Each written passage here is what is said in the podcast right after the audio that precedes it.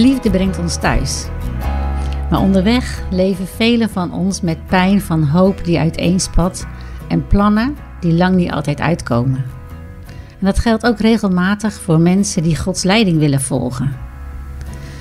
Bekenden van mij lieten zich naar Zuid-Soedan uitzenden en waren in no time terug omdat het daar levensgevaarlijk werd. Anderen werkten in Zuid-Afrika en na korte tijd kwam de man om bij een auto-ongeluk. En dan vraag je je af: wat is hier gaande? Het is zo begrijpelijk dat als je Gods wil volgt en het werkt anders uit, dat je dan aan jezelf gaat twijfelen. Heb ik God wel goed gehoord? Had hij een ander doel dan ik dacht? En misschien is het nodig dat je je vraag gaat herzien. Het gaat erom dat je God gehoorzaamt.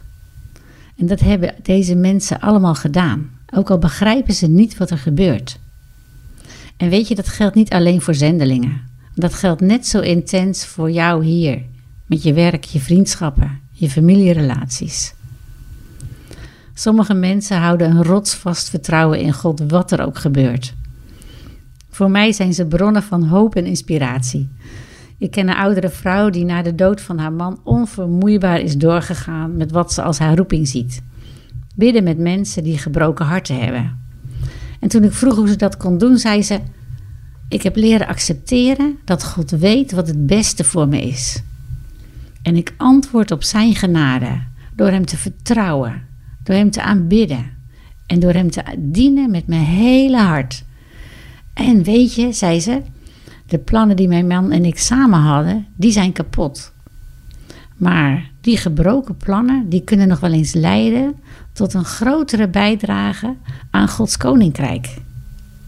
Nou, ik vind dat heel bemoedigend om zoiets te horen. Dat grote geloof en dat verre kijken dan uh, wat voorhanden is. misschien voel jij je vandaag ten neergeslagen vanwege hoop of plannen die uiteengeslagen zijn.